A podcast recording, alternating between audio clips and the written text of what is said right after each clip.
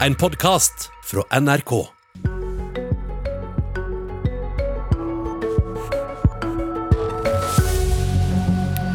Klimameldinga er her. Den store masterplanen for hvordan Norge år for år skal kutte det som er aller vanskeligst av alt klimautslippene du og jeg står for.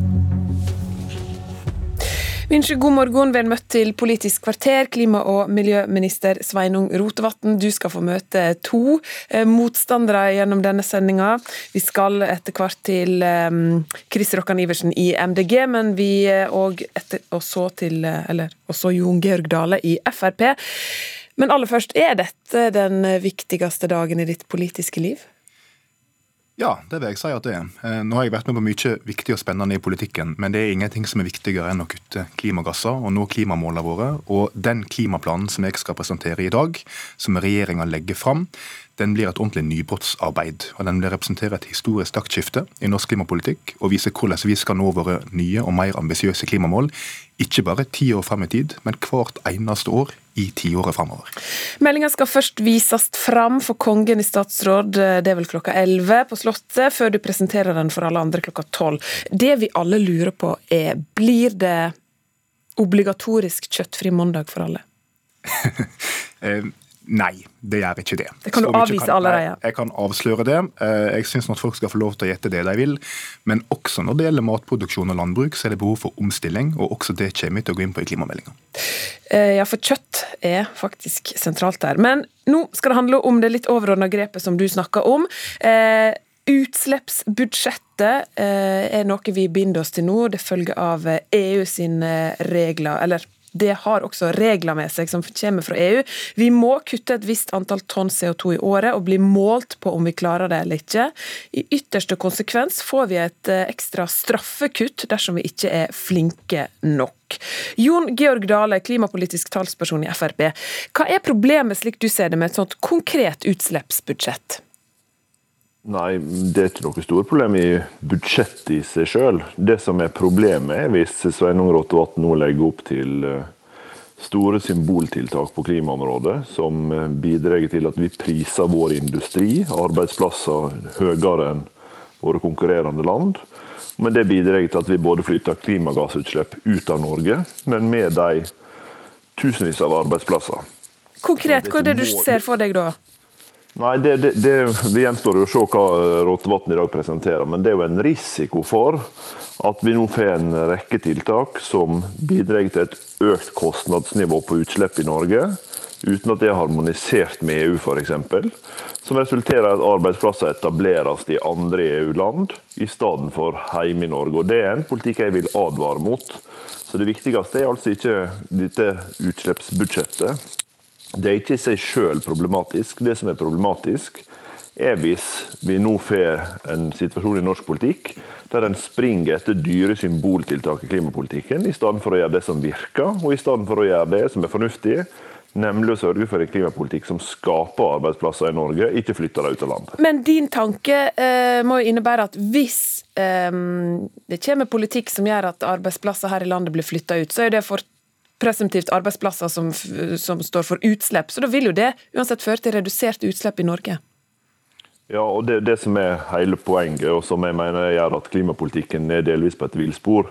For Norge har ikke en egen atmosfære. Vi kan ikke late som at ensidige utslippskutt i Norge er bra, hvis de øker de globale utslippene. Derfor må vi føre en politikk som både bidrar til at vi kutter utslipp, men gjør det på en måte som gjør at de industriene vi har i Norge, i maritim sektor, i olje- og gassindustrien, i store, tunge industrier, fiskeriindustrien, store, tunge industrier, faktisk fortsetter å skape arbeidsplasser i Norge, i stedet for å bli flytta til andre land, fordi vi får særnorske regler for våre industriarbeidsplasser. Og Det er det jeg frykter at den eh, meldinga kan ende opp i, hvis ikke vi eh, klarer å bidra til at vi har en effektiv klimapolitikk som kutter utslipp, ikke flytter arbeidsplasser ut av landet. Dale, det er litt sånn ruskete lyd fra deg. Det er mulig det er en mikrofon som er litt i bevegelse, så det kan du tenke på neste gang du får ordet. Rotevatn, kan du roe ned Dale på noe vis her?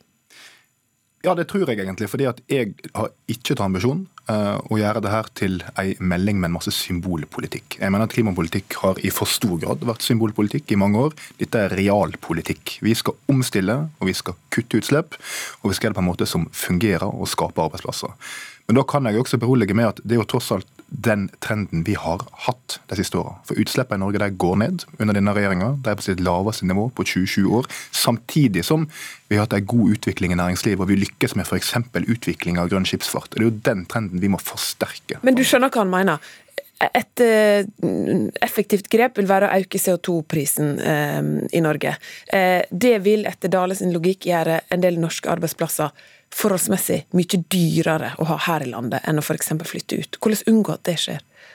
Det er jo noen um, arbeidsplasser, noen næringer, noen utslipp der en er mer utsatt for såkalt karbonlekkasje enn andre. Uh, og Det er et uh, relevant poeng. Fordi Noen typer arbeidsplasser er ekstremt konkurranseutsatt og kan fort finne på å etablere seg i f.eks. Sverige eller Tyskland hvis det blir for dårlige vilkår i Norge.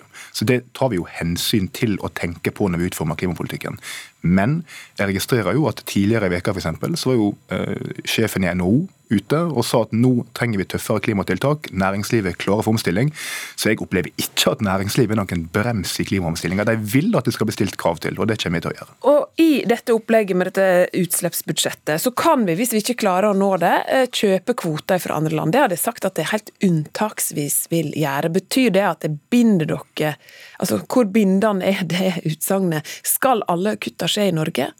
Ja, vi planlegger for det. Og den planen som vi skal legge frem i dag, den viser hvordan vi har tenkt å kutte i Norge.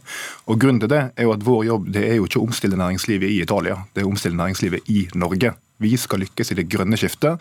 Og Det tror jeg også er grunnen til at Jon Georg Dale, da han var samferdselsminister, for eksempel, var opptatt av at en skal kjøpe inn elektriske ferjer i stedet for dieselferjer. Ja, det koster litt mer, men det bidrar til å utvikle norske arbeidsplasser og kutte utslipp samtidig. Og Det er det vi skal bruke pengene på, og det er sånn vi lykkes med det grønne skiftet. Dale, hva, hva er ditt syn på det at en ikke vil bruke dette kvotesystemet som nå finnes innenfor forvirrende nok ikke-kvotepliktig sektor?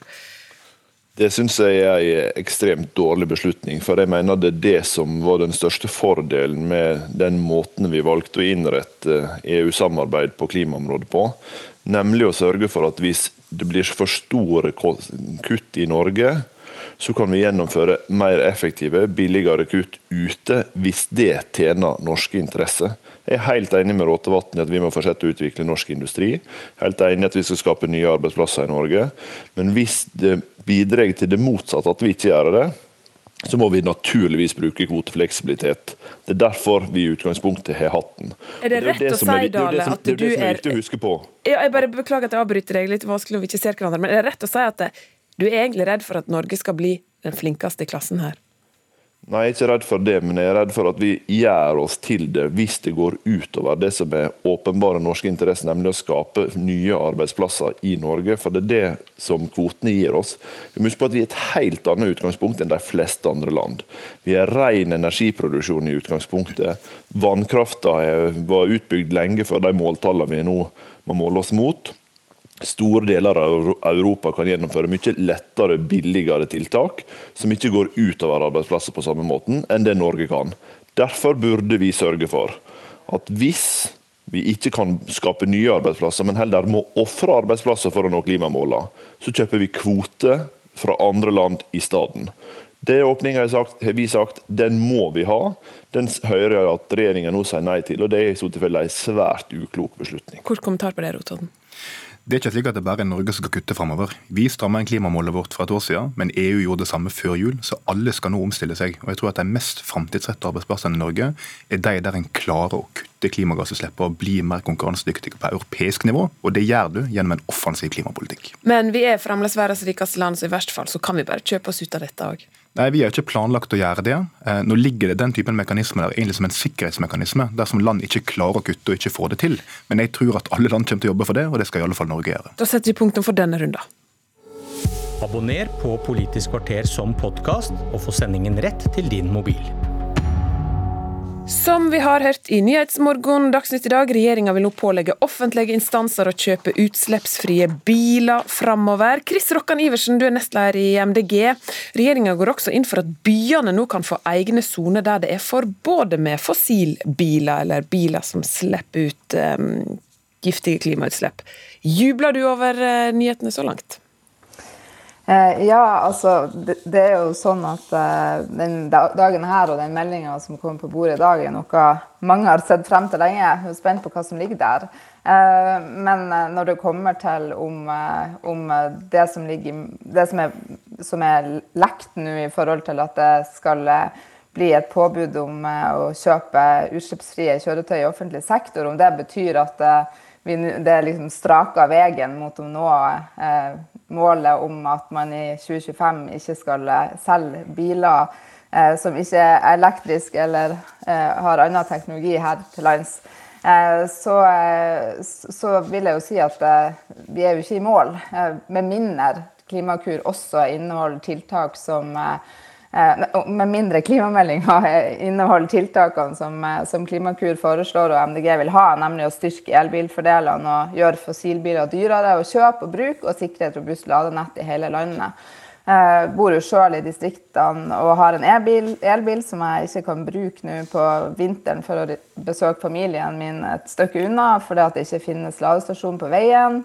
Eh, sånn at eh, jeg er jo veldig nysgjerrig, siden jeg sjøl ikke har fått sett klimameldinga, om hva klima- og miljøministeren kan love meg og andre distriktene eh, i forhold til innhold som har konkrete tiltak som vil sikre at vi i distriktene som kjører elbil, kan bruke den fra å komme oss fra A til B, og dermed få være med på det nasjonale elbilløftet. Rotvatn. Jeg kan love at Med denne klimameldinga som vi legger fram, så vil det være svært attraktivt å kjøpe elbiler og bygge ut ladeinfrastruktur i åra framover. Hvordan da? Ja, Det vil en jo komme tilbake til, men noe av dette her har vi jo gjort kjent allerede. F.eks. i dag, som NRK kunne fortelle, så kommer vi til å pålegge i offentlige innkjøp de neste åra at en kjøper nullutslippsbiler og, og nullutslippsvarebiler i tillegg. Det har vi fått med oss. Mm. Men ganske godt poeng fra Rokkan Iversen. Hun har en helt vanlig elbil, ikke den dyreste. Hun bor i Harstad og Eh, har til behov for å kjøre til, eh, til familien i Lofoten.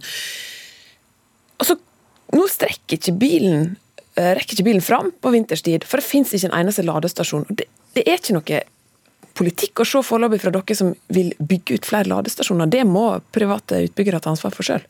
Nei, det er ikke helt sant. fordi bl.a. i nord, der vi ser at utbygginga ikke har fungert eh, bare på kommersielle vilkår, så har vi gitt betydelig støtte, og nå blir det satt i gang å bygge hurtigladenett eh, i våre nordligste områder. Men i veldig mange deler av landet så er ikke det nødvendig. Der fungerer markedet godt, og det blir bygd ut mye ladepunkt hele tida. Men det skal jo sies at eh, grunnen til at dette også eh, er krevende mange plasser, er jo at elbilsalget går så bra. Ikke sant? Elbilsalget går enormt bra. I fjor så var annenhver solgte bil en nullutslippsbil. I desember var det 67% Så det er ingen tvil om at folk nå kjøper elbiler som bare det, og det er kjempebra. Det er en av grunnene til at norske utslipp går nedover, og det kommer til å være attraktivt i åra framover, og det vil bli bygd ut mer ladeinfrastruktur. Rokkan Iversen.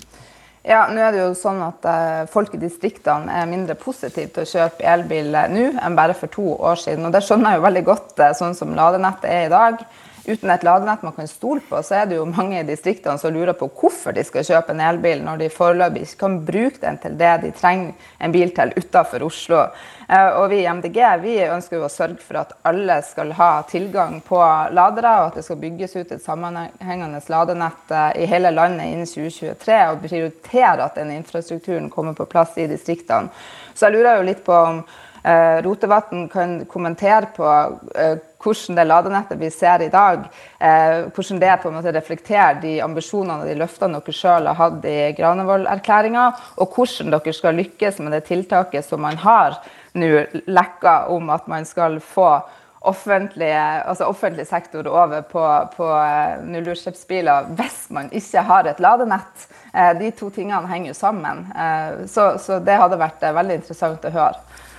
Ja, men Det siste skal vi jo lykkes med gjennom å pålegge det. Um, fordi at uh, vi ser jo at... Ja, Men du kan jo ikke ha de bilene i drift hvis ikke du kan lade. Nei, men det blir bygd ut ladenett nå stort sett over hele landet. I de delene der det går for tregt, så bidrar vi med støtte til at en skal bygge ut i tillegg. Og Dette er jo en situasjon vi følger hele tida. Men det er veldig viktig at offentlig sektor, ikke minst næringslivet, kjøper flere nullutslippsbiler framover. For det er de som ligger etter. Privatpersoner kjøper mye nullutslippsbiler. Det har vært mye i byene før, nå er det over hele landet. Og det er utmerket. Og det er en veldig god grunn til at en må sørge for, og det skal vi sørge for, fem at det er attraktivt å kjøpe elbil. Nei, fem sekunder, Rotevatn. I eh neste, I 2024 kan Rokkan Iversen kjøre hele veien. Ja, det kan hun. Og få lada. Takk eh, for at jeg kom i studio, Rotvatn, Rokkan Iversen og eh, Jon Georg Dale.